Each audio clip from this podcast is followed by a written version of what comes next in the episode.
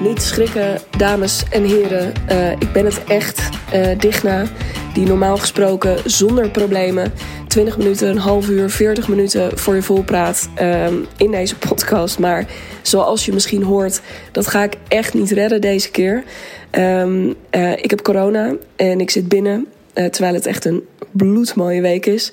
Maar goed, lang leven de tuin, zullen we maar zeggen. Um, maar goed, ik heb dus corona en uh, ik merkte al vrij snel dat het niks zou worden met uh, een eigen uh, complete podcast-episode voor deze vrijdag. Maar ik heb een afspraak met mezelf gemaakt en dat is dat ik twee keer in de week zou podcasten. Overmacht daar gelaten. Technisch gezien had ik dit onder overmacht kunnen gooien. Maar ik dacht ook, hmm, nee, misschien is dat ook niet helemaal nodig. En um, in een gesprek, ik had zelf een gedachtegang eerder al deze week en die werd bevestigd in um, een Voxer gesprek met een van mijn klanten, um, Madelon, die je eerder in deze podcast hebt gehoord. En die zei. Jeetje, die podcast waar jij eerder deze week te gast was bij Lindsay Arts. Zij is tijd-winst-expert. Zij helpt ondernemers aan niet alleen meer tijd en ruimte in hun agenda, maar vooral ook aan meer ruimte in hun hoofd. Um, ik was bij haar te gast en zij zei: Dat was zo'n mooi gesprek. En in dat gesprek komt zo fantastisch naar voren. Um, ja, waarom jij doet wat je doet, waar je in gelooft. Um, en dus ook heel erg waarom mensen met jou zouden moeten willen werken. Nou, dacht ik, als een klant dit tegen mij zegt, uh, en ik heb ook heel veel meer mooie DM-gesprekken gevoerd deze week over die bewuste podcast, dacht ik: ik trek de stoute schoenen aan, ik benader Lindsay en ik vraag of ik uh, het podcastgesprek mag gebruiken ook in mijn podcast. En ze zei ja. Dus um, dat gesprek, daar ga je zo meteen naar luisteren. Uh, in plaats van naar mijn brakke uh, gekraak op de lijn. Um, de eerste tien minuten hebben we het uh, wat filosofischer over tijd. Uh, en de betekenis daarachter en uh, de maakbaarheid daarvan. als je daarvan houdt, echt beluisteren. Want het is echt, dat is ook echt een van mijn favoriete stukken van het gesprek. Uh, maar als je denkt, nee, cut to the chase, ik wil horen uh, hoe jij in dat ondernemerschap zit en hoe dat nou precies zit met dat freelance en waarom dat nou um, in mijn visie dus een, uh, ja, een, een, een probleem is, waarom je het echt anders zou moeten willen. Um, luister dan in ieder geval vanaf 10 minuten. Het is een redelijke zit en nu nog langer omdat ik dit intro aan het vollullen ben. Het is een gesprek van ruim een uur. Maar het is zo bommetje vol inspiratie. Echt waar, hoeveel uh, berichten ik niet heb gekregen uh, met concrete acties naar aanleiding hiervan. Van ik ga nu dit omgooien in mijn business. Ik ga vandaag nog die en die klant benaderen om te zeggen dat we het anders gaan doen. Um, het is echt ongelooflijk. Dus nou ja, wij van WC Eend um, bij deze uh, kunnen je van harte aanbevelen om het hele gesprek uit te luisteren. Um, en uiteraard laat mij via Instagram, dat kan via digna.brand, uh, of Lindsay. Uh, Lindsay Arts heet zij. Als je zoekt op tijdwinst expert Lindsay, dan ga je haar sowieso vinden. laat ons weten wat je van het gesprek vond. Um, rest mij verder niets dan je nu ongelooflijk veel plezier te wensen met luisteren. Um, en heel graag tot een volgende episode met normale stem. Ik zit vandaag met Digna Brand en we gaan het vandaag ook weer hebben over tijd. Maar voordat we daarin duiken, Digna, wie ben je, wat doe je en sowieso welkom. Ja, dankjewel. Ja, superleuk dat je me uitgenodigd hebt dat ik te gast mag zijn hier. Want uh, daar begon het allemaal mee, dat jij mij een berichtje stuurde en mij uitnodigde. Heel leuk. Uh, ja, ik ben Digna. Ik um, ben ja, business coach voor freelancers. En ik help freelancers die niet meer happy zijn met het, uh, ja, het verdienmodel, met het verkopen van hun uren, om um, ja, hun bedrijf anders te gaan inrichten. Dus om een ander verdienmodel te gaan kiezen dat veel beter bij ze past.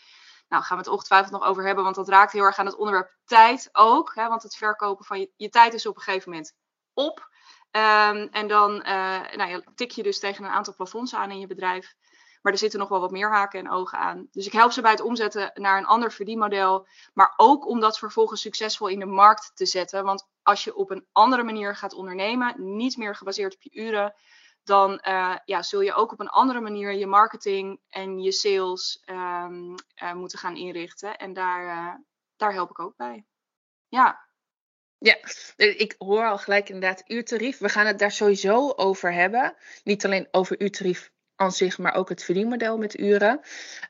maar ik heb natuurlijk altijd een vraag die ik aan iedereen stel, die ik jou ook vooral al meegaf van denk er even over na.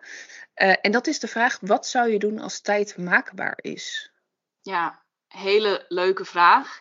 En het grappige was, toen jij hem stuurde, dacht ik, ja, als tijd maakbaar zou zijn, want ik zei het net al even, je tijd is op een gegeven moment op, dacht ik, ja, dan zou ik natuurlijk meer tijd willen. En uh, dus ik dacht, oh nou, hè, of da dan zou ik daar invloed op willen hebben. Dan zou ik af en toe mijn dagen langer willen kunnen maken, of mijn weken, of mijn weken langer. En later dacht ik, hmm, uh, ik weet eigenlijk niet of dat wel waar is omdat uh, ik ook merk dat tijd, hè, dus de, de beperktheid die erin zit, dwingt je ook om een aantal keuzes te maken. En heel vaak keuzes die goed voor je zijn. Dus toen dacht ik, nee, volgens mij wil ik helemaal niet zozeer meer tijd hebben. Maar ik merk wel, als ik, als ik zou mogen kiezen, toen dacht ik, ja, wat zou ik dan wel willen?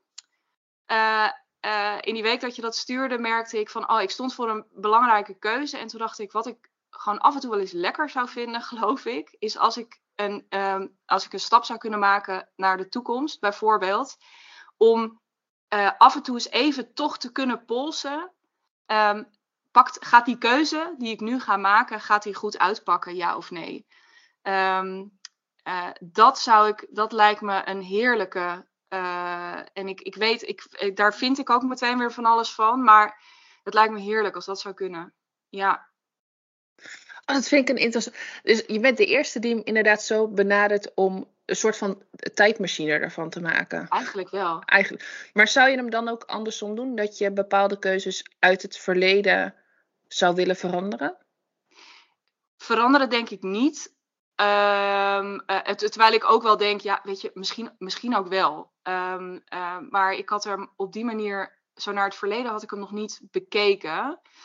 Um, wat ik veel eerder, wat ik daar ook weer interessant zou vinden, wat ik nu ook wel eens merk, dus zeker als je nu voor keuzes staat, helpt het nog wel eens heel om ook terug te gaan van nou welke keuzes heb ik eerder gemaakt die me geholpen hebben bijvoorbeeld, of uh, welke contacten ben ik aangegaan, of en daarin misschien weer eens af en toe een beetje terug kunnen blikken, want je vergeet het ook zo snel. Of, en hoe voelde ik me daarbij? Wat was nou echt het effect daarvan?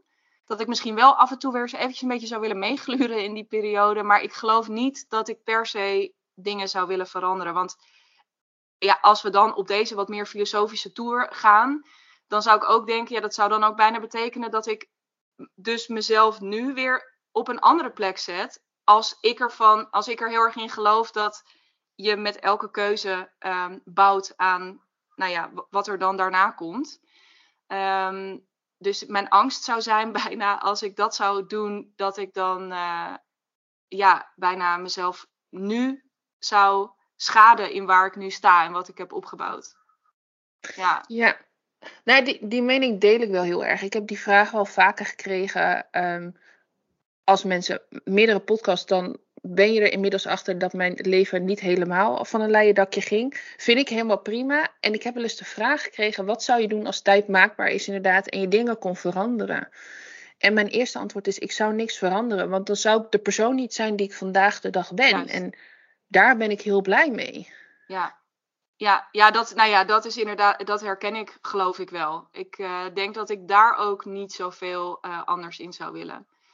En ook in, de weet je, ook in de toekomst zou ik ook helemaal niet meer gewoon af en toe even, even gluren. Van, hmm, wat, uh, ja, ik weet niet, wie ben ik over een paar jaar en wat kan ik de komende tijd verwachten of zo. Want zeker ook als ondernemer, hè, om hem daar even ook op te betrekken. Ik denk dat jouw luisteraars ook voor een belangrijk deel um, uh, ondernemen. Ja, je, je doet zoveel dingen waarvan je alleen maar nu kunt denken, ik denk dat dit een goede beslissing is. Maar echt weten wat er dan aan de andere kant uitrolt, dat, dat heb je eigenlijk nooit. Um, dus de, um, ja, de onzekerheid, hè, want het, dat, dat is het denk ik. Af en toe gewoon eventjes, even een beetje zekerheid daarin, beetje houvast. Ja, en terwijl ik het zeg, denk ik ook, ja, het is natuurlijk ook niet voor niets dat tijd niet maakbaar is. Want het is natuurlijk ook de schoonheid ervan dat je het los durft te laten. Ja, en wat ik bij jou denk, als je heel even vooruit kan denken over wel een keuze of geen keuze maken. En dan zou het ook in theorie natuurlijk kunnen zijn dat je naar een, een tijd springt waarin het even lastig is. Waarin je even aanhikt tegen iets. En dan denk ik, oh, en dan kan misschien de uitkomst heel mooi zijn, maar dat weet je niet. En dan durf je misschien die keuze niet te maken. Hmm. Dat je net dat je iets te vroeg nog in het pro dat je denkt, nou, kijk even twee jaar verder. En dan blijkt het dat het over twee jaar eigenlijk even helemaal niet zo'n fijne periode is. Maar dat over drie jaar, daar had je moeten. Want het effect daarvan is wel weer heel mooi. Ja, dat is interessant. Ja, zeker. Ja, dus haal je jezelf dan niet een nieuwe onzekerheid. Uh, of, of onnodige twijfel of onnodige beren op de weg eigenlijk weer op de hals. In plaats van hou vast. Ja, want het mooie vind ik aan ondernemen ook dat het soms een risico nemen is. En waarvan we niet weten hoe het altijd uitpakt. Um, ik moet altijd denken aan, het eh, aan, aan de dooddoener, vind ik het altijd. Alles komt altijd goed. Ja. En, maar ik denk wel dat het waar is. Alleen het komt misschien niet goed op de manier die je had bedacht. Ja, dat denk ik. Ik denk dat dat heel mooi is. En kijk, terwijl ik het zeg, het is natuurlijk gewoon super interessant. En ik, ik hou ook heel erg van dit gesprek. En lekker gewoon een beetje op een beetje abstract filosofisch niveau dus. Want natuurlijk ben ik ook niet voor niets gaan ondernemen. Natuurlijk hou ik ook niet voor niets van ondernemen, want ik hou er ook van. Ik vind dat de absolute schoonheid ook ervan dat, dat dit het is. En dat je daar dus, ja, dat je het niet weet. Uh, en dat je dat aangaat met jezelf. Daar zit natuurlijk de grootste groei, daar zitten de grootste ontwikkelingen, daar zitten de grootste ontdekkingen. Um, ja, alles zit daar eigenlijk in. Dus um, ja, en, maar het is puur, ik denk dat mijn antwoord ook echt gewoon op een soort oprechte nieuwsgierigheid ook wel gebaseerd is.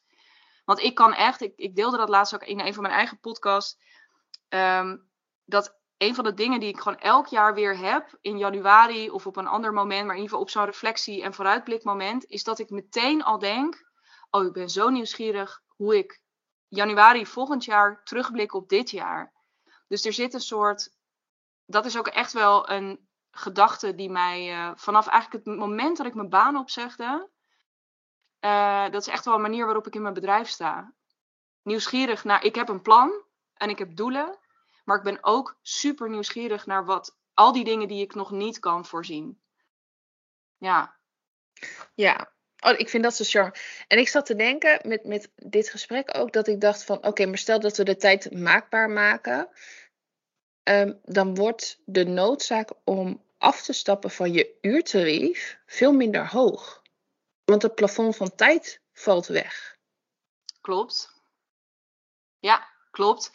Wat, nee, uh, fair point. Uh, dus inderdaad, dat zou een heel ander vraagstuk worden tegelijkertijd, als we het hebben over dat freelance model, dus dit is absoluut waar, daar, ga, daar kunnen we lang of kort over zijn, maar die kunnen, we, die kunnen we gewoon aannemen nu als waar. Tegelijkertijd denk ik, en dat merk ik bij mijn klanten, en dat heb ik zelf ook heel erg gemerkt in, in mijn eigen reis hierin, dat um, het probleem van een freelance verdienmodel, dus ik, ik noem het altijd even freelance, maar dus het verkopen van je tijd, je expertise verkopen in, in de vorm van tijd. Um, je uren en het plafond waar je tegenaan tikt is niet het enige probleem waar je tegenaan loopt in dat model. Uh, een van de dingen waar bijvoorbeeld mijn klanten en wat ik zelf, wat voor mij ook echt een belangrijke drijfveer was om iets te veranderen, was dat ik dat je in die in, in, in dat model ben je eigenlijk altijd een, een uh, stukje of een radertje of, of een, een onderdeeltje van iemand anders zijn bedrijf. Dus je bent altijd, hoe je het ook wendt of keert, ook al heb je een hele gelijkwaardige, prettige samenwerking met iemand, ergens ben je altijd ondergeschikt. Dat was een, omdat je, ja, dat is gewoon je, ja, dat is gewoon je, je, daar heb je voor getekend. Of dat is de rol die je hebt. Ja. Dus het heeft heel vaak met de rol te maken ook, die op een gegeven moment niet meer past. Um, ja, ik denk dat dat wel echt uh, ook een hele belangrijke factor is waarvan mensen op een gegeven moment zeggen nee. En daarbij komt, um, naast die rol zit er ook heel vaak een groot verlangen, een beetje, die, die vloeit daar eigenlijk een beetje uit voort. Um, van als freelancer ben je vaak een super goede expert. Je bent echt een beetje een. De mensen die bij mij komen zijn vaak echt vakidioten. Van coaches tot uh, copywriters tot nou, um, ehm, VA's, eh, business managers. Weet je, gewoon echt mensen super goed in hun vak. Maar je hebt daar zelf ook een visie op. Naast het feit dat je je werk alleen maar aan het doen bent, heb je waarschijnlijk ook zelf een verhaal te vertellen. Heb je een bepaalde kijk op je vak. En zolang je altijd alleen maar uitvoerend bezig bent voor de ander, ehm, zolang je daar happy mee bent, die, die groep is er ook, go for it. En wees er gelukkig mee en doe dat en word, ben de allerbeste. Maar ik merk bij heel veel mensen, zeker de mensen die uiteindelijk bij mij aankloppen, die zeggen: Ja, maar ik heb eigenlijk gewoon wel wat meer te brengen dan alleen maar het uitoefenen van mijn vak. Ehm, mag ik daar nog één ding aan toevoegen? Ja, ja zeker. zeker. ja, ik merk ook, ja, als het hier over gaat, dan ga ik aan. Ik haak zo in. Ja, is goed. Ehm, want het heeft heel vaak ook te maken met als um, je, je als freelancer werk je altijd vraag, eigenlijk 9 van de 10 keer vraag gestuurd. Dus iemand komt bij je en komt, zegt ik heb dit. Uh, bijvoorbeeld een vraag, in mijn geval, ik ben heel lang freelance copywriter geweest. Er moet een blog geschreven worden of ik heb website teksten nodig. Ga jij die website teksten maken? En dan zei ik, nou oké, eh, kost me ongeveer zoveel uur. uh, dit, oké, gaan we doen. Dat is, maar het was heel erg vraaggedreven. Um, waardoor ik dus elke keer wel goede dingen aanleverde, maar waarvan ik op een gegeven moment merkte, uh, lever ik op, waarvan ik me echt afvroeg, lever ik op dit moment de allerbeste kwaliteit voor mijn klanten? Want wat nou als ik hier wat meer de leiding op zou nemen? En wat nou als ik voor mezelf antwoord ging geven op de vraag: uh, op welke manier kan ik die specifieke klant die ik heel graag wil helpen, op de allerbeste manier helpen? dan is dat niet door vraaggedreven uh, een, een blogje voor ze te schrijven. Dan merkte ik al heel snel van, ja, ik wil, hè, daar zitten nog een x aantal stappen voor. Die blog is eigenlijk, dat is de laatste 10%. Dus wat nou als ik mijn klanten ook ga helpen met het stuk daarvoor? En of wat nou, en daar heb ik heel veel verschillende dingen in uitgeprobeerd, als ik niet één keer een losse blog voor je schrijf, maar als we een tijdje met elkaar samenwerken, zodat ik je beter leer kennen.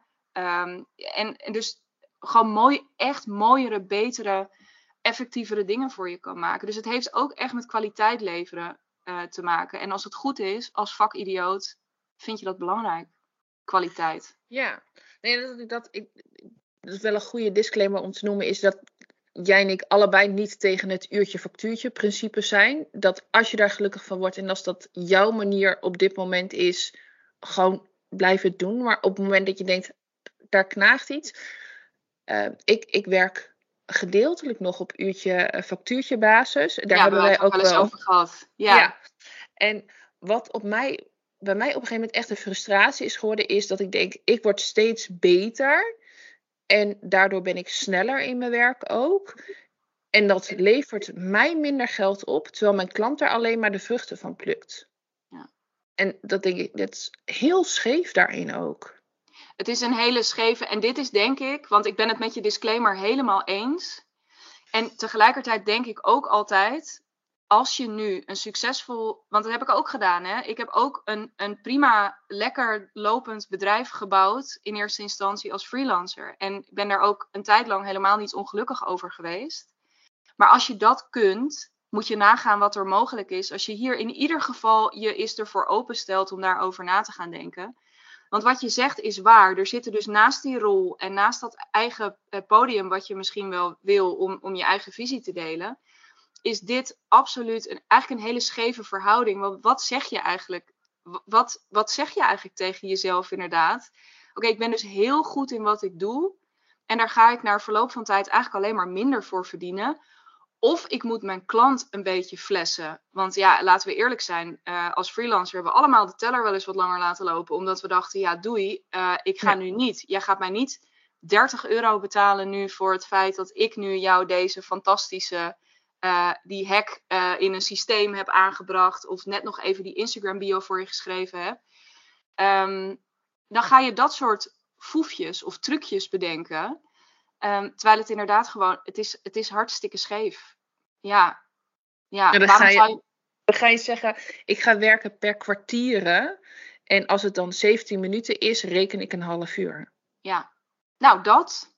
En, en dat, eigenlijk is dat, weet je, als je op dat punt zit, is het volgens mij echt interessant om na te gaan denken over, oké, maar is er dan niet een, uh, een manier. En dat begint vaak met inderdaad gewoon, nou misschien dat je in eerste instantie eens begint, dat is nog steeds tijd, maar dat je het eens naar dagdelen gaat tillen of naar dagen, zodat je in ieder geval het al iets meer bundelt en voor jezelf wat meer lucht inbouwt.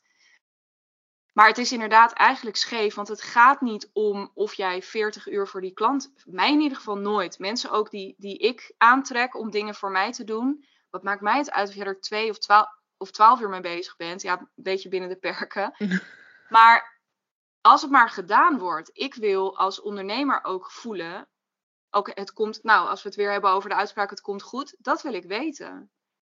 En niet ik heb ook helemaal geen zin om, om, kost, om, om urenoverzichten te bekijken van mensen. Omdat ik dit alleen maar, zeker niet als het al geregeld is, dan denk ik nou top. Kijk, aan de andere kant is natuurlijk ook waar. Kijk, als iemand er heel lang mee bezig is geweest, dan moeten we gewoon een keer praten. Want dan hebben we dat gewoon verkeerd ingeschat samen. En dan moet er misschien een keertje iets bovenop, op die vaste fee. Maar ergens denk ik, het is eigenlijk heel scheef als ik je vraag om een resultaat te leveren, dat ik je ga beoordelen op uren. Nee, dat is het. Je, je wordt betaald om de tijd die erin stopt, niet om het resultaat wat je levert. Heel raar. Terwijl je wel zegt, ik wil een expert. Ja, dat zeg je ook nog vaak.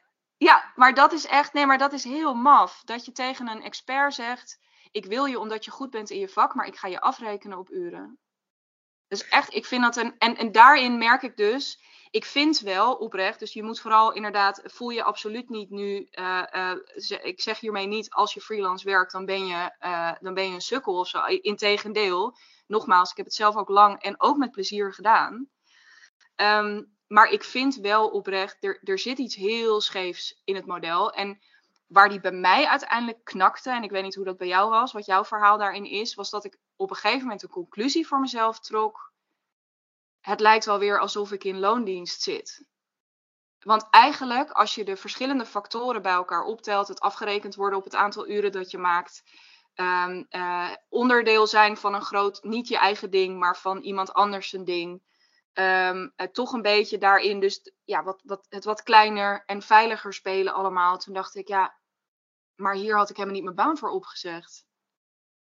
Nee, ja, bij mij zat hem ook heel erg in het het, het stukje dat ik onbedoeld genaaid werd. En dat ik daar zelf een heel groot aandeel in had. Ehm, en ook dat ik heel erg wilde richten op ehm, het resultaat. Ik merkte bijvoorbeeld bij mijn klanten ook dat er een soort van drempel soms was om iets extra's te vragen. Joh, Liesje, kun je dat uitzoeken? Want dan moest ik zeggen hoe lang ik daarmee bezig was. Konden hun kijken, oh, dat gaat me dan zoveel kosten. Terwijl als ik tegen hun zeg, goh, dit is mijn maandbedrag. Daarin regel ik alles voor je in, in een bepaalde redelijkheid. Um, dan hoeven hun. Ik ben heel erg van overzicht en duidelijkheid. Hun hoeven nooit meer na te denken over wat zijn de kosten, hoe lang is Lindsay ergens mee bezig. Um, dit is gewoon een prijs, daar regel ik het voor. En kom ik er niet uit mee omdat ik merk van goh, wat je nu vraagt, dat kost me gewoon 10 uur extra. Dan trek ik wel aan de bel. Juist.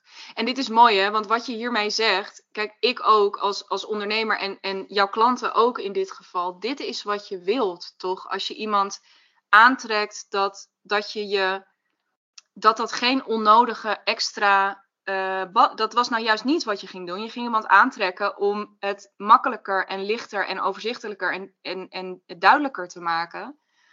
En door dan weer inderdaad te gaan ja, die puzzel steeds weer opnieuw te moeten leggen. Van, oh ja, maar dan, ja, deze maand komt dat niet zo goed uit. Zullen we hem dan doorschuiven? Ik weet niet, misschien dat je dat, herken ik in ieder geval nog wel uit die tijd. Van, nou, goed idee, maar dat gaan we dan nu niet doen. En dat gaat dan, en dan was er weer wat anders belangrijk. Dus je komt, je hebt heel veel, je voert heel veel overbodige gesprekken eigenlijk met elkaar. En net als van die meetings waar je dan, uh, uh, herinner ik me, daar vergeleek ik het altijd een beetje mee, van die meetings in loondiensttijd ook, waarvan ik dacht, ja, had het gewoon even op de e-mail gegooid en dan uh, was iedereen blij geweest. Dus het, het is heel veel ruis op de lijn. Heel veel ruis op de lijn. Inderdaad, wat jij zegt, als het gewoon duidelijk is, jij aan de slag, zij lekker hun ding doen um, en, en geregeld. Ja, ja en, en, en ik vind hem in die voor mij, uh, en daar hadden we het in de DM, het wordt super overzichtelijk voor jou als je iemand inhuurt, maar ook voor jou als je ingehuurd wordt of met iemand gaat werken. Want jij weet ook precies wat er aan het einde van de maand of begin van de maand of halverwege de maand binnenkomt op je rekening. Ja. ja, en dat is echt, dat is zo'n winst. Dat je daarmee niet meer. En dat is ook echt. Ik, kreeg, ik, ik sprak van de week iemand via de DM. Want ik spreek dus de hele tijd mensen via de DM. Als je dat ook gezellig vindt en je luistert nu, uh, kom maar gewoon op de lijn.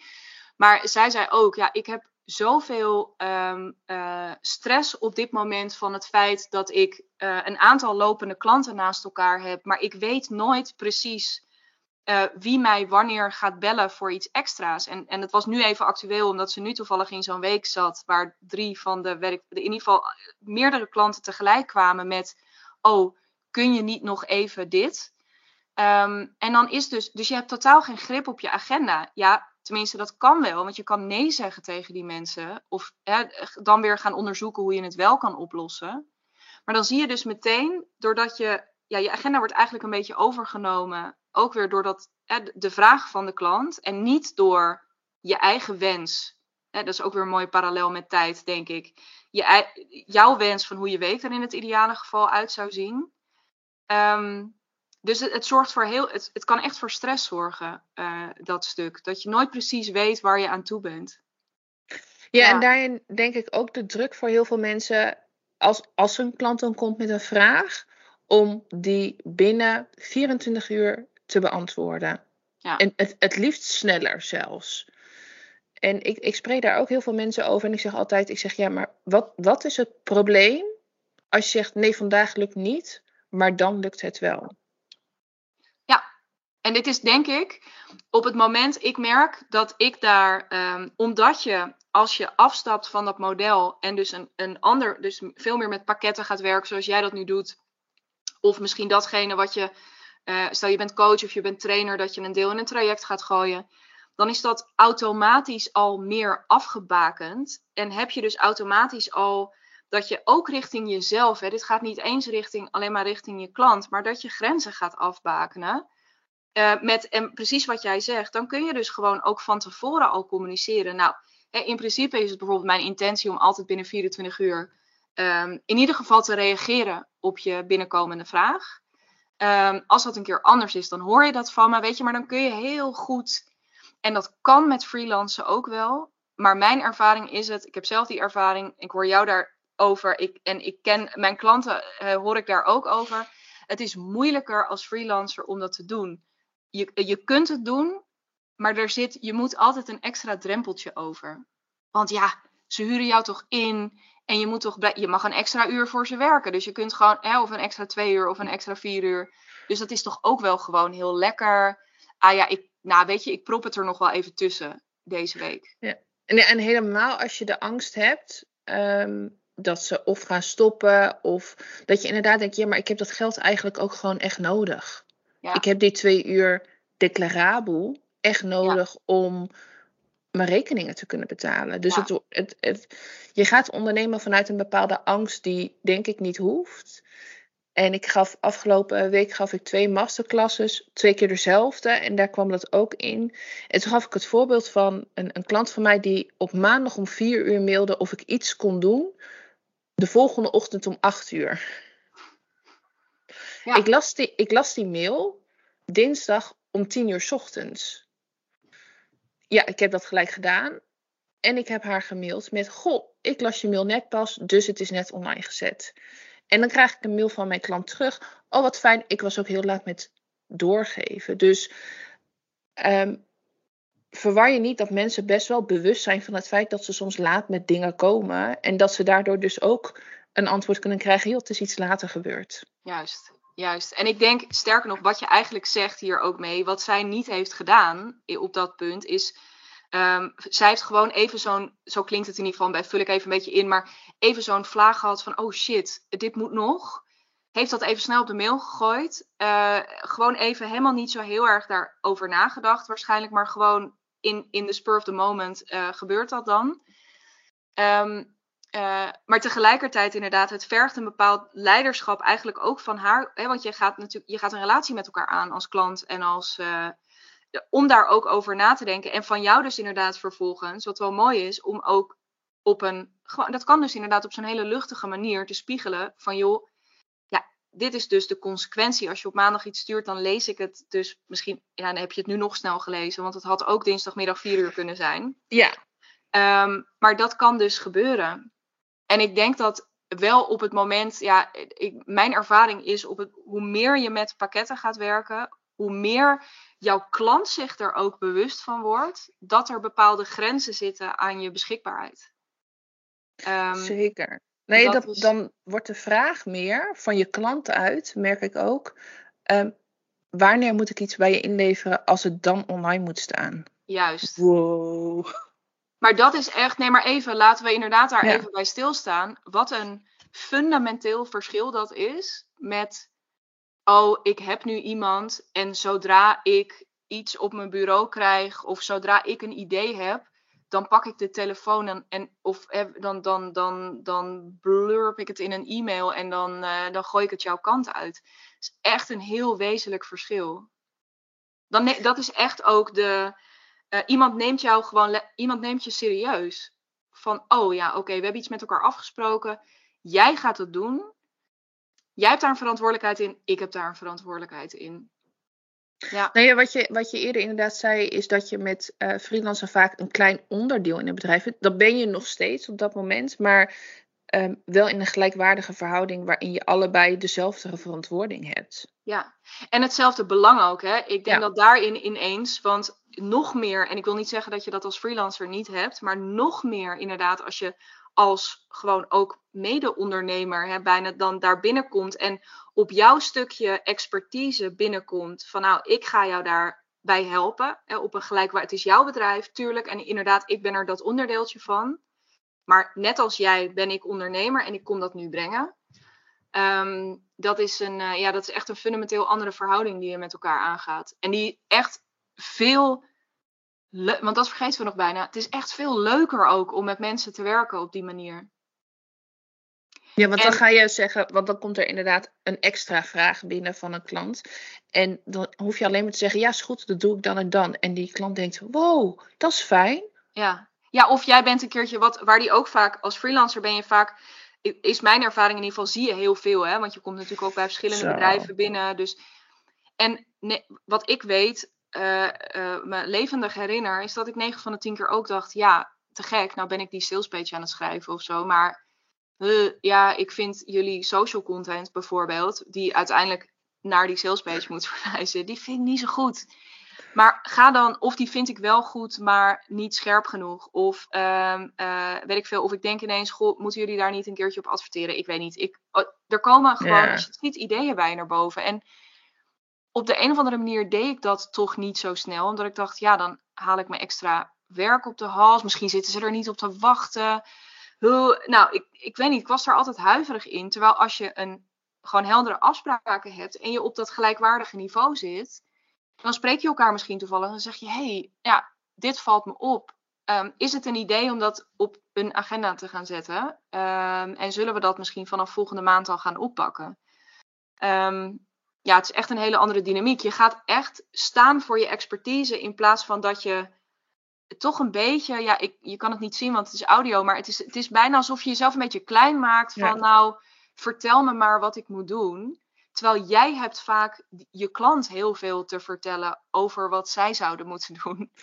En dat is veel makkelijker als ze van jou weten van, oh ja, maar zij is ook, ja, dit is, dit is waar zij voor staat dat, en, en dit is echt, ja, dit is de belofte die ze ons komt doen. Dus laten we maar even naar haar luisteren, want zij heeft er verstand van. Ja, en het, het, het, wat ik het uh, bijzondere daar vind, als je meer inderdaad ook vanuit strategisch vlak, vanuit je expertise gaat handelen, is dat blijft je klant veel meer bij dan het resultaat wat je levert. Want dan wordt het niet, ze heeft alleen mijn salespage geschreven. Ze had ook nog een tip voor mijn socials. En dat blijft mensen zoveel meer bij. En je bent veel bereider om dat, want dat is eigenlijk dat extra stapje zetten, hè? een beetje de extra mile gaan af en toe. Op het moment dat jij naar behoren betaald wordt voor wat je doet, en 9 van de 10 keer is, nou, ik ken, je kunt nog zo'n goed uurtarief hebben, maar als het, hè, 9 van de 10 keer doe, doe je dan dit soort extra mile dingen toch een beetje gratis, omdat je denkt, ja, ik ga hier natuurlijk niet, nou, ik doe dat wel gewoon even, want dan ben jij blij. Maar ja, dan moet je behoorlijk sterk voor in je schoenen staan om dat niet te doen. Terwijl op het moment dat je met jezelf pricing, een bijvoorbeeld voor, voor een bepaald eh, abonnement of, of een bepaald traject afspreekt, dan weet je, dan calculeer je dat gewoon in. Dan calculeer je gewoon in die prijs in dat je dit belangrijk vindt en dat je dit voor je klanten wilt doen. En dan is het dus, voelt het ook nooit als zwaar of als, oh, maar ja, ga ik dit nu zeggen? Want dan moet ik het ook doen. Ja, weet je, ik weet je, dan heb je gewoon zin. Denk je, nee, fuck het, ik pak het erbij. Kost mij één uurtje. En dan zijn zij forever fan. Ja, en, het gaat, en dat gaat natuurlijk niet alleen op voor um, structurele opdrachten, om ze zo te noemen. Dus opdrachten die maand in, maand uit doorgaan. Maar ook voor de tijdelijke opdrachten, om ook daarin dat stapje extra te zetten, dat iemand compleet geholpen is. Ja, zeker. En dat is echt uh, uh, inderdaad het mooie inderdaad dat je die nog even noemt. Dus juist ook bij die projecten, want ja, voor, het geval, voor hetzelfde geld ligt er, hadden ze nooit aan jou gedacht voor iets wat er al lang ligt, wat ook nog opgepakt moet worden. En doordat jij net even dat extra stapje zet, dat ze ineens denken, oh, maar wacht even, wij dachten dat jij alleen uh, uh, dus die salespage kan maken. Maar als jij ons kan helpen bij het opzetten van een social media strategie. Uh, ik weet, volgende maand zijn we klaar. Laten we praten. Ja. Dus dan ga je inderdaad je, je ook echt. Ja, leiderschap loont echt altijd. Ja. Of ze gaan ja. je aanbevelen bij, bij, bij bekenden, omdat ze zeggen: Nou, dit was een samenwerking, dat was echt fantastisch. Ja, en het ja. kan ook zeggen dat ze zeggen: We doen het niet, want. en er zijn mega veel legitieme redenen. Maar ook dan blijft het bij dat je dat voorstel hebt gedaan. En dat je inderdaad wel die aanbeveling krijgt van goh, ze is bereid dat stapje extra te zetten. Of hij is bereid dat, dat stapje extra te zetten. En ik wou nog even terug. Er schoot mij iets in het hoofd. Wat ik. Um, want ik, ik denk dat we als freelancer ondernemer een stap te zetten hebben. Maar ook in de zin als ondernemer die iemand inhuurt.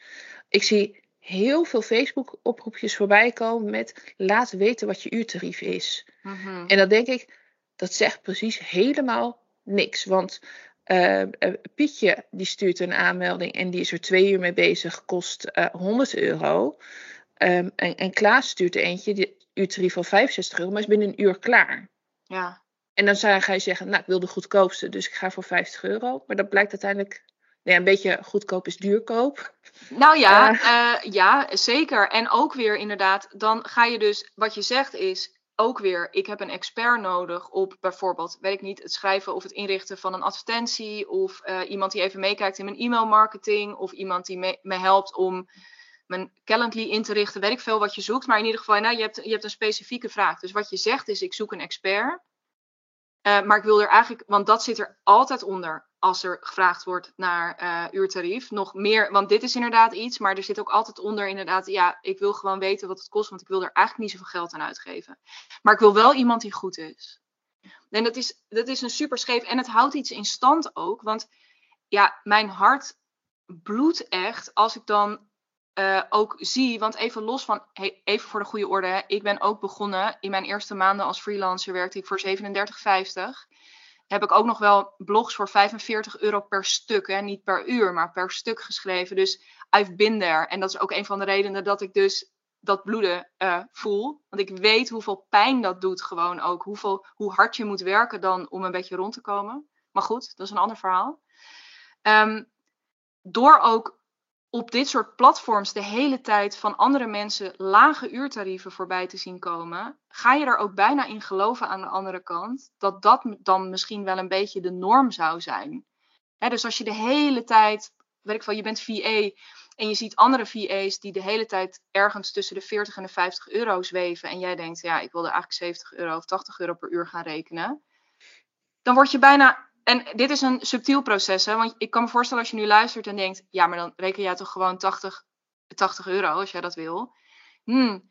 Ja, als jij maar vaak genoeg uh, bewijs ervan onder je neus krijgt dat dat eigenlijk te veel is, dan ga je, geloof me, dat, dat doet iets met je. Dus ook door elke keer zo laag in te zetten, houden we ook met elkaar in stand dat dat normaal is uh, om mensen weinig te betalen voor hun expertise. Um, en dat vind, ik wel, dat vind ik wel echt een kwalijk ding. En dat zie ik ook wel echt.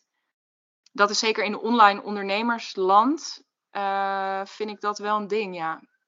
Ja. En, en als we hem doortrekken, want um, daar heb ik inderdaad dat ik denk van we moeten met z'n allen eens gewoon normale prijzen gaan vragen. Maar ehm, daarin vind ik het soms nog wel een verschil of je um, beginnend bent in je expertise. En dat bedoel ik niet als ondernemer, maar als expertise. Of echt iemand hebt die al vijf jaar werkzaam is in de expertise. Ja, um, ja uh, daar ben ik het, ja, zeker als we het op expertise level uh, zeggen, ben ik, het, uh, ben ik het absoluut met je eens. Maar dan is vaak de, de transactie, maar dan, dan wil ik hem ook altijd openbreken met iemand. Dus dan zou, dan is vaak de trade-off, dat was bij mij ook zo, toen ik dus nog voor die, uh, nou ja, 37,50 per uur werkte. De trade-off was dat dat voor mij een dusdanig interessante klant was die mij heel snel positioneerde op een bepaalde manier bij andere mensen, waardoor ik heel snel, en toen ging ik ook steeds weer een stukje verder groeien met mijn uurtarief. En dus ik wist, oké, de investering is nu, dit uurtarief is waarschijnlijk te laag, maar de transactie is dat ik er iets anders ook nog, ook op een andere manier uitbetaald krijg. Um, dus dat heb ik wel. Het enige nadeel daarvan was weer, toen ik later bij haar dacht, ja, ik wil eigenlijk wel dat mijn uurtarief omhoog gaat. Uh, kom maar eens uh, substantieel omhoog van 37,50. Dat is, hè, je, ja, dat een is uitdaging. ja, dat is echt een uitdaging. Terwijl ik op een gegeven moment bij anderen verdiende ik 70, 75 euro per uur. Ja, dat gaat heel snel, uh, gaat heel snel knellen. Dus ook dat is denk ik, als, als je nu freelanced, begin, dat is net als met salarisonderhandelingen. Als je op een laag salaris binnenkomt, dan kun je leuk de, het volgende jaar 10% salarisverhoging krijgen, als dat al gebeurt. Maar 10% van weinig is gewoon weinig. Ja, dus het duurt heel lang. Ja, en dit, is, dit werkt een beetje op dezelfde manier. Maar ik vind wel inderdaad echt, um, laat, jezelf, ja, laat jezelf gewoon goed betalen. En, en, en, en um, laten we dat ook naar elkaar doen. Ik werk bijvoorbeeld bij voorkeur niet met dus mensen die ik aanhaak. Uh, ik werk eigenlijk niet met mensen samen, realiseer ik me nu, die ik op uurbasis betaal. Dus daar, ook omdat ik weet, ja, ik, dat, dat interesseert me oprecht niet. Tot het een keertje te veel wordt. Hè? Totdat iemand zegt, ja, uh, ik ben nu voor dit bedrag, ben ik eigenlijk gewoon een hele dag per week bijvoorbeeld voor je aan het werk. Ja, oké, dan moeten we dat, maar dan gaan we het totaalbedrag bijstellen. Ja. Uh, en, want ook omdat ik vind, ja, moet dat dan, ik schreef er van de week een post over op LinkedIn, moet natuurlijk ook niet zo zijn, groot nadeel van freelancen ook trouwens, dat jij twee weken met vakantie bent en dat, de hele, dat je hele inkomensstroom stilstaat. Ik wil gewoon, ja, ja die, mijn, die mensen die voor mij werken uh, of die dingen voor mij doen, of het nou om financiën gaat, uh, um, event management of wat dan ook, ja, als ik weg ben, gaat jouw werk gewoon door en vice versa. En het heft elkaar wel op. Maar ik wil jou gewoon betalen. Ook in die oh, periode. ik had, dit vind ik een interessante, want ik had laatst dus inderdaad een, een gesprek met iemand voor wie ik mogelijk business support ging doen. En ik had echt gedacht, oké, ik ga een maandprijs vragen. Ik, en de eerste vraag, ja, maar wat als je een dag ziek bent? En dan denk je, ja, maar gaan, gaan we het hebben over een, een dag ziek zijn? Ja. Ja, en dit is, het is interessant, hè, want de, de gedachtegang is zo logisch. Want dit is hoe, we, dit, dit is hoe alles ongeveer ingericht is. Uh, elk denkbare systeem is ingericht op um, toch op de een of andere manier uh, je, je, aanwezigheid of je, je tijd. Hè, dat je daarop, um, uh, daarop beoordeeld wordt. het is een hele ouderwetse manier van denken. Um, uh, al was het maar omdat er meteen eigenlijk wat de angst die er vaak onder zit is, ja, maar wat nou als het zo meteen heel duur wordt en ik er niet uithaal wat jij me belooft? En die zorgen die zijn, en die manier van denken, die zijn allemaal super begrijpelijk. En tegelijkertijd denk ik echt, en dat is ook echt waar ik voor wil staan met wat ik doe, is dat we uh, het feit dat dat nu de norm is, betekent niet dat we dat ook allemaal maar oké moeten vinden met elkaar. Wat nou als we daar echt een nieuwe manier van werken, een nieuwe manier van denken in kunnen neerzetten.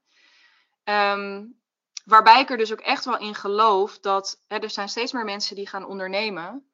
Um, maar ik ben oprecht nieuwsgierig naar wat er met zo'n freelance model gaat gebeuren. Want binnen alle ontwikkelingen die nu gaande zijn, denk ik alleen maar, ja, het is eigenlijk bijna niet meer houdbaar um, op den duur. Al was het maar omdat dit soort manieren van denken, hoop ik, ook met onze generatie die, die er nu aankomt en hè, die, die gewoon iets nieuws komt brengen, dat dat echt gaat verschuiven. Want inderdaad, als ik dit hoor, denk ik, oh, dit, ik denk dat er nu mensen luisteren en die denken, ja, dat heb ik ook wel meegemaakt. Ja, en voor de mensen die inderdaad nu denken, ja, maar het is toch heel logisch dat je dan die dag in mindering brengt als je ziek bent. Stel, stel dat we het heel praktisch hebben over het, het, beheren van een mailbox. Dat wordt die dag niet gedaan. Wordt die dag daarna, staan die mails er ook nog, ben die mails dus nog aan het verwerken. Dus ehm, dat jij dat één keer in de twee dagen doet of uh, verspreidt over twee dagen, dat maakt voor de output geen verschil. Dat is het. En dan zijn we weer terug. Hè, dat, dus inderdaad, dan ben je weer terug bij het resultaat is niet anders als jij er een dag niet bent. Sterker nog, het resultaat is ook niet anders als jij er twee weken niet bent. Ehm, waar het uiteindelijk om gaat, is dat je met elkaar daar dan van zegt: Oké, nou, kennelijk komt er dus binnenkort een periode aan. Uh, zeker met vakanties weet je dat vaak van tevoren. Um, en met ziek zijn wat minder, maar inderdaad, ja, dan vang je het op. Of je, weet je, je, je bent er een keer een dag niet, maar je zegt: Oké, ik pak een half uurtje vandaag op het moment dat ik me het best voel. Ik scan even of er hele urgente dingen tussen zitten. Die reageer ik even van: Joh, eh, vandaag lukt niet, maar ik kom morgen bij je. Um, en dan is het gewoon geregeld. Kom je ook weer terug hè, bij dat mensen willen gewoon, die willen die output, die willen dat het geregeld is. Die willen niet, als het goed is, dat jij er gewoon elke dag bent. Omdat ze jou zo'n leuk mens vinden. Ja. Nee, en, en een aanhanger daarin ehm, is een klein grapje. Uh, maar, maar ik zeg altijd, ik zeg, we zijn geen chirurgen. Um, we werken niet op de SCH. We zijn geen artsen. De enige arts, dat ben ik, omdat dat mijn achternaam is. Ja. Maar we doen geen werk waarbij er mensen doodgaan. Nee. Nee. Nee, we kunnen het af en toe ook allemaal zo belangrijk maken. Hè? Ja. Ik zat gisteren een podcast te luisteren met Eva Jinek. Dat ze ook zei dat ze toen ze hoogzwanger thuis zat en dus niet haar show kon maken, um, dat ze uh, dat echt afschuwelijk vond. En, en omdat ze heel erg van haar vak houdt, maar ook omdat ze zich ineens zo, want er was iemand anders gewoon voor haar in de plaats en die nam die show over. En het was hetzelfde programma. Het was net zo leuk. Het was net zo interessant. En zij zat voor, in haar eigen woorden, soort ontploft op de bank uh, met 38 weken zwangerschap. En zij dacht alleen maar, ja, dit is, dit is het dus. Ik ben volkomen in, inwisselbaar. En um, dit, is, dit geldt echt voor ons allemaal. En het is pijnlijk. En als ik het zeg, dan denk ik ook, maar het is zo ontzettend vaak waar. Dat we allemaal ontzettend inwisselbaar zijn. Dus laten we het af en toe inderdaad ook niet serieuzer maken dan het is inderdaad, want er ligt niemand dood te bloeden op een tafel. Nee. nee. Gelukkig niet. Gelukkig niet, nee. Godzijdank, ja. En als het wel zo is, mij niet bellen, want het is alleen maar achternaam voor de rest. Precies, nee, precies. En daar zijn dan weer andere uh, experts voor die daar, ja. Uh, ja. En die worden ook niet voor een uurtarief betaald. Die worden ervoor betaald om je leven te redden. Ja, ja, zeker. Nou ja, en oh ja, dat is misschien nog wel een mooie parallel. Um, uh, waar zij, en zij worden zo goed betaald omdat zij uh, ervaring hebben, omdat ze jarenlang geïnvesteerd hebben in specialisaties. Uh, die, soms hebben die echt 15 tot 20 jaar opleiding achter de rug om, om te kunnen doen wat ze doen. Um, dat is ook je, um, uiteindelijk ook dat voorbeeld wat jij noemt. Als jij beter wordt in je vak, dat je minder betaald krijgt, is volkomen scheef. En dat, dat geldt voor deze mensen ook niet. Zij worden meer waard omdat ze meer ervaring hebben. Uh, dus ook daarin is het inderdaad echt omgekeerde wereld. Waarom zou een hartchirurg, waarom zou het voor een hartchirurg wel gelden uh, en in andere gevallen niet? Als je goed bent, ben je goed.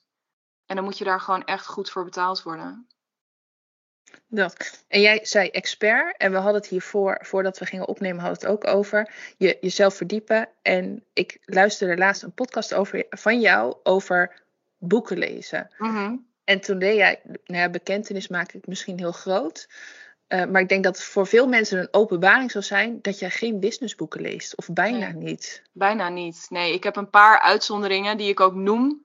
Nou, één uitzondering met name die ik noem. Want er is één businessboek wat ik fantastisch vind. Dit, dat boek heet Business for Punks. Dat kan ik je echt uh, ongelooflijk aanbevelen, omdat het ontzettend haaks. Het is ook een hele andere business. Het gaat niet over online business, maar het gaat over Brewdog, een biermerk dat uh, wereldwijd inmiddels echt super groot is. Hoe zij dat gedaan hebben, ooit begonnen in een schuurtje in Schotland. Um, met nul marketingbudget en nou, allemaal echt, echt heel boeiend. Dus bij deze alvast één gratis boekentip.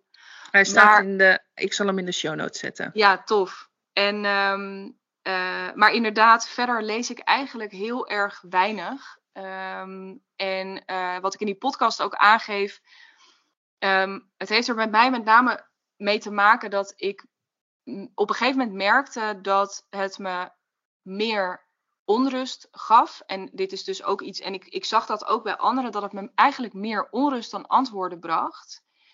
Wat heel onhandig is, want vaak neem je zo'n boek in je hand of trek je zo'n boek uit de kast of ga je naar bol.com en uh, klik je op bestellen op een moment dat je behoefte hebt aan duidelijkheid, dat je behoefte hebt aan houvast, dat je iets nieuws wil leren. Um, maar wat ik merkte is dat ik dan bijvoorbeeld op zo'n moment met dat boek op de bank zat en dat ik dacht, ja, ik weet niet, ik wilde gewoon even een idee hebben bijvoorbeeld voor mijn marketing. En nu krijg ik een fantastisch uh, fantastisch systeem en een supermooie structuur aangereikt. Maar totale overwhelm op ja, maar dit doe ik allemaal niet. Of dit maakt mij dat een slechte marketing. Hè, dus dit is een klein beetje overdreven wat ik nu zeg. Maar um, ik merkte dat ik er heel onrustig van werd. En dat ik me vooral heel bewust werd van alle dingen die ik niet deed. En dus ook oprecht bij vlagen ging twijfelen aan doe ik het dan wel goed. Um, dus ik ben daar, uh, ja, ik ben daar heel selectief in geworden. En ik denk dat, nou, als ik afgelopen jaar. Ja, ik heb één uitzondering nog. Um, Seth Godin is mijn uh, marketeer en uh, business guru. Is echt mijn, ja, ik weet niet, maakt niet uit. Die, daar maak ik altijd een uitzondering voor. Want wat hij te melden heeft en ook zijn manier van werken vind ik super interessant.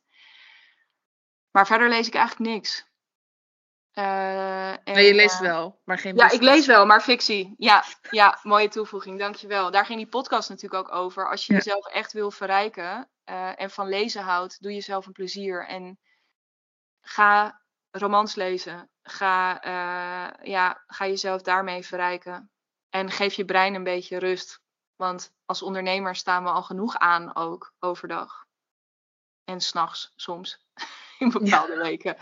Ja, ja, nee, en, en, zeker, jij zei dat in de podcast ook, maar dat is ook wel echt iets wat ik um, tegen mijn klanten ook zeg. Behalve als ze dyslectisch zijn, dan zou je nog een, de variant van een luisterboek kunnen opzoeken.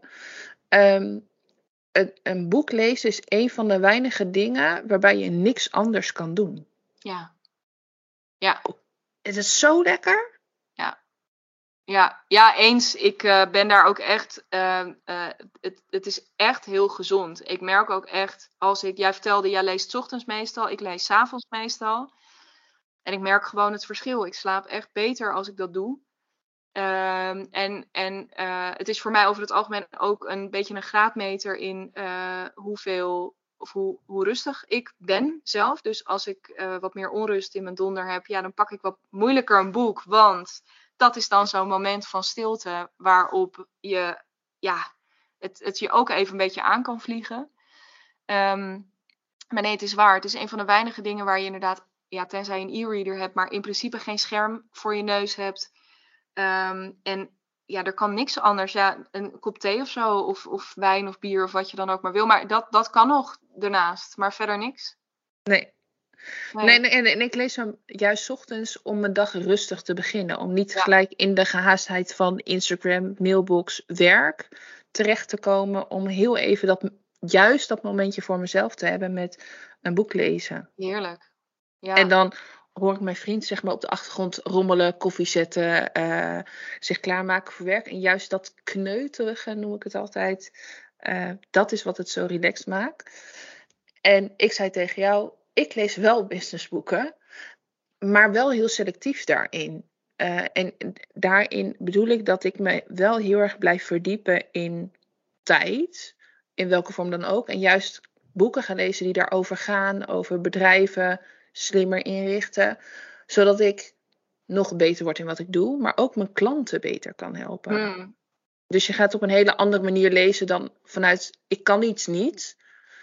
Uh, en ik wil het leren dan ik wil nog ergens beter in worden. Nou, dat is, dit is inderdaad een mooie toevoeging. Dat zei ik net ook al. Dan ga je inderdaad, dan heb je dus ook een um, best wel gerichte vraag. Hè? Even los van of die inderdaad altijd heel, uh, heel veel anders is dan, oh, ik ben heel benieuwd naar wat deze persoon mij nog voor nieuw perspectief kan geven op dit onderwerp.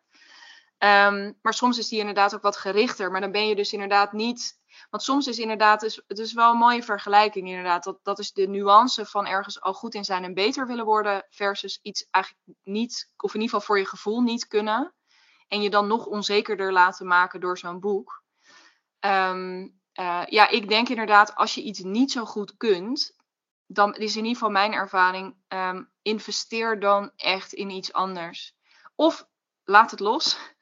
Um, maar nee, maar ook, weet je, binnen je business, als jij niet zo goed bent in, of bijvoorbeeld bepaalde techniek of zo, dan koop dan geen boek, maar besteed het uit. En ik weet, dat is altijd super spannend, want dat kost dan weer geld. En dat is allemaal waar, maar echt waar, doe jezelf een plezier. En laat het dan door iemand doen die er super goed in is en heel veel plezier in heeft.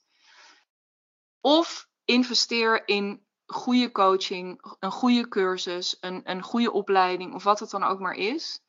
Uh, maar ga er dan ook niet zelf mee zitten worstelen op je bank. Gun het jezelf dan dus ook weer om daar ja, op niveau in begeleid te worden. Ja. ja, en een aanvulling op wat je zegt over uitbesteden. Uh, mensen zeggen inderdaad vaak dat kost geld. Uh, en ik zeg altijd: nee, je verdient er geld mee. Want op het moment dat je gaat uitbesteden, maak je dus tijd om zelf geld te gaan verdienen. Afhankelijk van hoe je dat doet. Um, dus je kan eigenlijk de, de uitgaven terugverdienen. En vaak levert je het nog meer op ook. Want stel um, dat, iemand, uh, dat jij er drie uur mee bezig zou zijn en iemand anders één uur. Dan heb je dus twee uur winst. -hmm. Waar je een boek kan lezen, geld kan verdienen, maar zoveel ja. meer kan. Ja, nee, ja, eens. Ontzettend mee eens. Dit is, dit, dit is, en dat is spannend, hè? Want um, uh, wij kunnen dit nu hardop zeggen, maar als je het, en het is mijn ervaring ook, maar als je dit nog nooit echt op die manier ervaren hebt, um, dan, is het, dan voelt het in eerste instantie toch een beetje als geld uitgeven. Versus de investering doen, zoals jij hem eigenlijk ook formuleert. Ja. En die ik ook heel erg zo voel en ervaar. En, en daarin zou ik dan eigenlijk weer willen zeggen, hè, op het moment dat je dingen gaat uitbesteden, je hoeft ook niet meteen uh, uh, voor, voor acht uur in de week uh, iemand erbij te halen. Maar begin gewoon eens met bijvoorbeeld um, acht uur in de maand of tien uur in de maand dat je tegen iemand zegt, nou, dat ga ik doen, dat kost me geen idee, 500 euro, ik, totaal willekeurig bedrag wat ik nu noem. Um, en nou, de, de simpele rekensom is dan die ik nu maak. Dan moet ik dus iets gaan verkopen, in ieder geval van 500 euro deze maand, zodat ik in ieder geval kiet speel. Ja. En dat is denk ik echt het mooie. En dat mogen we ons zoveel meer realiseren als ondernemer. Ik bedoel, we hebben het de hele tijd over freelance, maar mijn, uh, met mijn bedrijf uh, Freelance to Freedom, dat stukje freedom zit hem er ook in. Um, je inkomen overkomt je niet. Hè? Je inkomen is als ondernemer heb je daar gewoon zelf regie op. Dus als jij zegt, ik wil dat uitbesteden, ga dan nadenken over een manier waarop je het in eerste instantie terugverdient. Want dan is dat argument van tafel. Want je kunt daar heel lang in blijven hangen. Ja. Maar dit is gewoon een simpele oplossing. Maak het klein en ga een strategie bedenken om het terug te verdienen. En dan kun je inderdaad daarbovenop vervolgens uh, nog eens gaan kijken van, hmm, met die dag per maand die ik uitspaar, bijvoorbeeld, als dat de rekensom is, of die twee dagen per maand, wat ga ik daar dan mee doen? Um, en daar, ja, de, de, mogelijkheden zijn eindeloos. Je kunt in een uur tijd uh, leuk verkocht hebben. Ja, en, en een aanvulling daarop. Um, dit jaar is de eerste keer dat ik mijn inkomstenbelasting niet meer zelf hoef te doen. En daarin gaat het niet al, daarin gaat het echt op die freedom waar je op zei. Het scheelt me zoveel stress, um, frustratie, omdat ik weer dat formulier van de Belastingdienst niet begrijp. Um, dat, koop, dat koop je er ook mee. De, nou ja, je koopt het af, de frustratie, de stress. Um, weer vijf pagina's doorklikken omdat je niet weet of je wel of niet bij een regeling uh, hoort of niet. Dat is uh, echt op dit stuk. Nou, als je het hebt over specialisme fiscaal, echt, doe, als je op dit moment niks uitbesteedt, ga, er komt eind van de week, ja, dat, maar ik weet niet precies wanneer deze online komt, maar in ieder geval, ik heb vandaag een podcast over uh, opgenomen en dan met name um, uh, financieel voor jezelf zorgen. Dit is er echt eentje, want hier zitten zoveel haken en ogen aan. Als je nog niks uitbesteedt, ga dit als allereerste, desnoods doe je, heb ik ook in eerste instantie gedaan, eerst inkomstenbelasting, deed ik BTW nog zelf.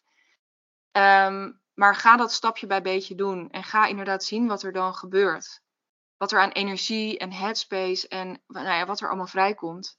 Het is zo goed en ook echt weer vanuit dat ding. Dat kan je, dit kan je heel praktisch geld opleveren doordat iemand simpelweg weet, ik moet hier een vinkje zetten. Zo. En dan betaal jij 200 euro minder. En dan heb je iemand al terugverdiend.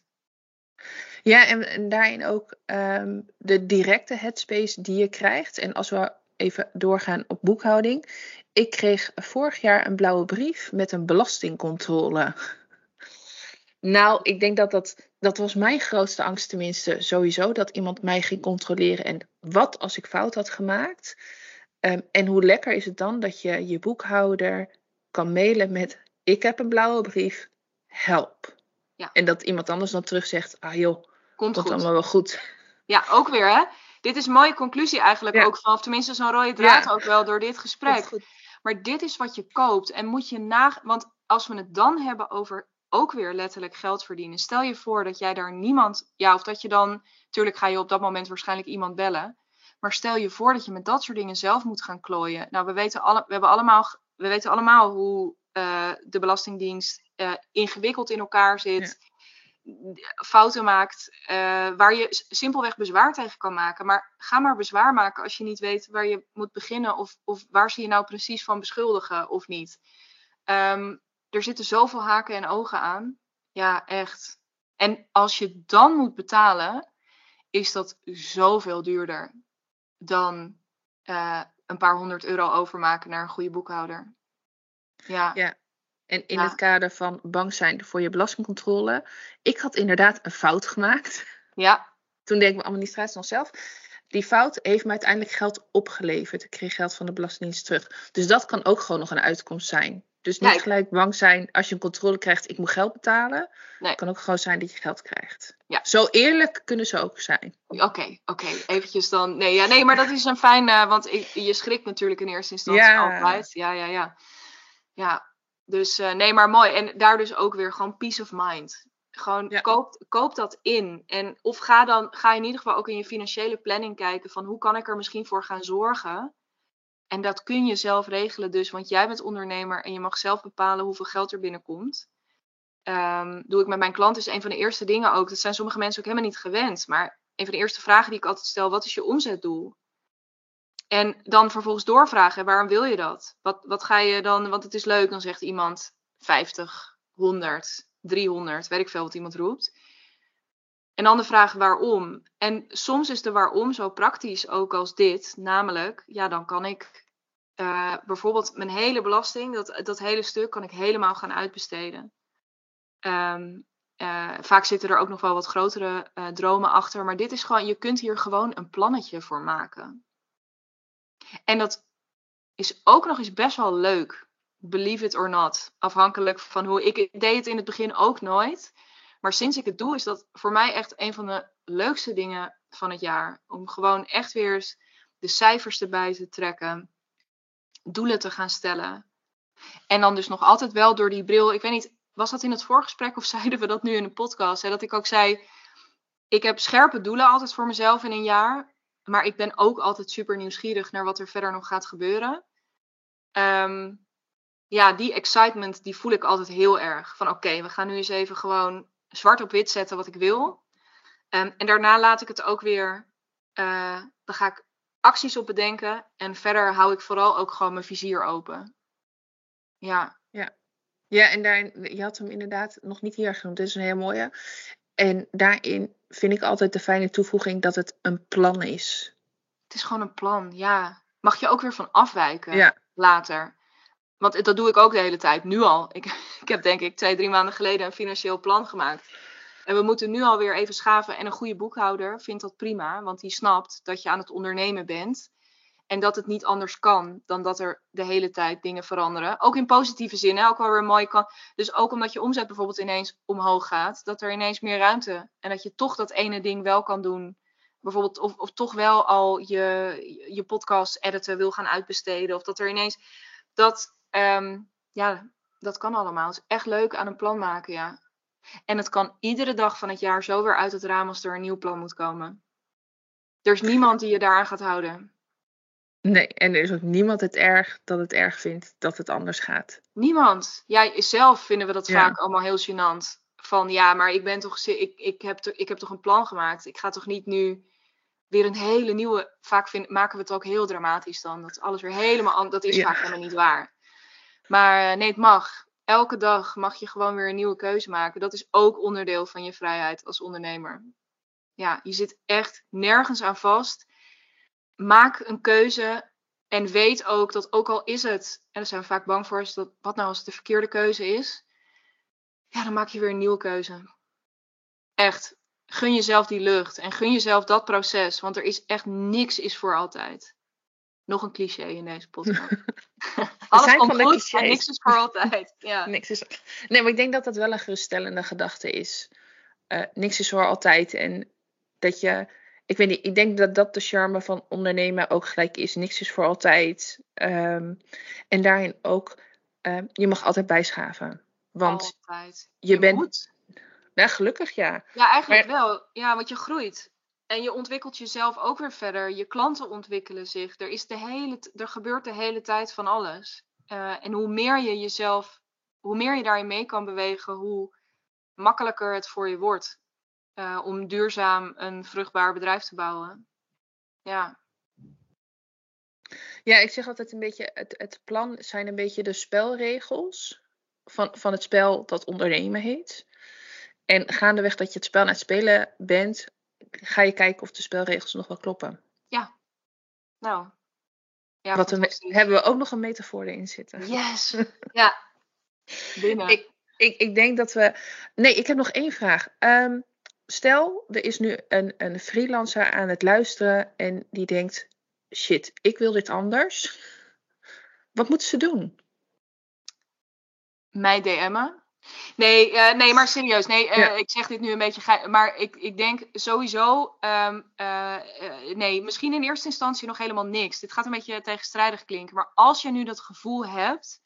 Dan zou mijn eerste wedervraag is altijd gewoon: kun je eh, kun je op dit moment ook echt toegeven aan jezelf dat je het anders wil. Ik weet namelijk dat toen ik me dat voor het eerst realiseerde, dat ik daar heel veel van vond.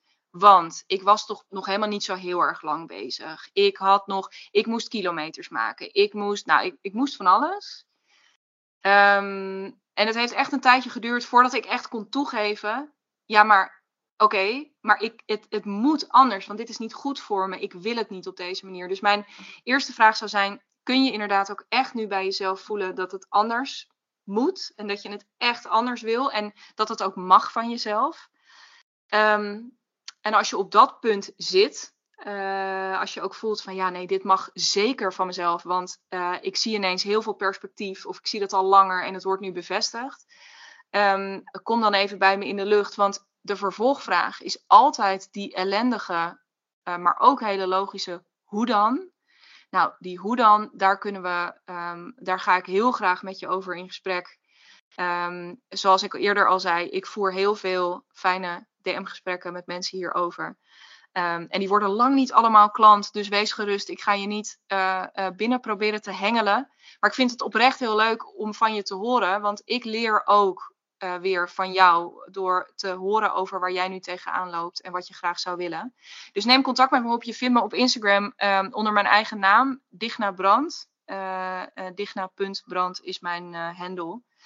En als je denkt, ik wil nog helemaal niet, ik wil nog een beetje stiekem, dan kan ik je mijn podcast denk ik van harte aanbevelen. waarin ik ook regelmatig praat over dit soort onderwerpen. Ook ja, en, of, en of gewoon volgen. Gewoon jou gaan volgen. Jij bent niet iemand, dat kan ik uit eigen ervaring zeggen, die gelijk twintig vragen komt je op afvuren op het moment dat je op de volgknop klikt. Nee, Echt helemaal niet. Ik zal je ongetwijfeld welkom heten. Uh, ik zal uh, het wel, of, of, misschien doe je dat zelf ook wel. Ik nodig je ook van harte uit als je me gaat volgen en je vindt het leuk. Laat me gewoon even weten dat je er bent. Uh, want ja, ja, dat ik, weet ik ook niet altijd. Ik hou ook niet alles helemaal bij, maar wat jij zegt is waar. Um, ik vind het oprecht heel leuk om met je te connecten en om van je te horen. Dus um, doe dat. En wees ontzettend welkom. Ja dan uh, denk ik dat iedereen hopelijk een heel mooi gesprek uh, heeft kunnen horen. Afgelopen uur denk ik dat die uh, ongeveer duurt. En wil ik jou heel erg bedanken voor, voor er zijn, voor je verhaal delen, voor je visie delen. voor, de, voor de mooie filosofische uitspraken die we ook hebben gehad aan het begin. En ehm, ik ga jouw linkje sowieso in de show notes zetten met het boek Business for Punks. En een linkje naar Setcode de boeken die je wel leest. Tof. Dankjewel. Ja, en heb je nu naar dit gesprek geluisterd en denk je, shit, ik herken zoveel. Um, je hebt zoveel dingen benoemd waar ik op dit moment ook tegenaan loop. Um, je hebt zo bij mij het verlangen aangewakkerd om het anders te gaan doen. Uh, kom dan bij me in de lucht. Want ik zeg natuurlijk aan het eind van die podcast: hè, kom bij me in de lucht. En ik ga je niet binnen proberen te hengelen. Natuurlijk niet. Heeft ook geen enkele zin. Uh, zijn, is wat mij betreft ook niet uh, een goede manier van sales doen. Um, als je met me gaat werken, dan ga ik je daar ook van alles over vertellen. Hoe je dat wel op een goede manier aan kan pakken. Um, maar weet kom ook bij me in de lucht als je denkt: je hebt verdomme gelijk. Um, ik wil het ook heel graag anders gaan doen, want dan ben ik er natuurlijk. DM me dan even op digna.brand uh, of stuur me een mail op info.dignabrand.nl en um, dan gaan we daar een keer over bellen. Want het kan anders. Um, uh, sterker nog, uh, er ligt echt een wereld op je te wachten als je het anders gaat doen. Dus um, ben jij er gewoon simpelweg klaar voor? Kom bij me in de lucht en dan spreek ik je heel graag heel snel. Tot dan.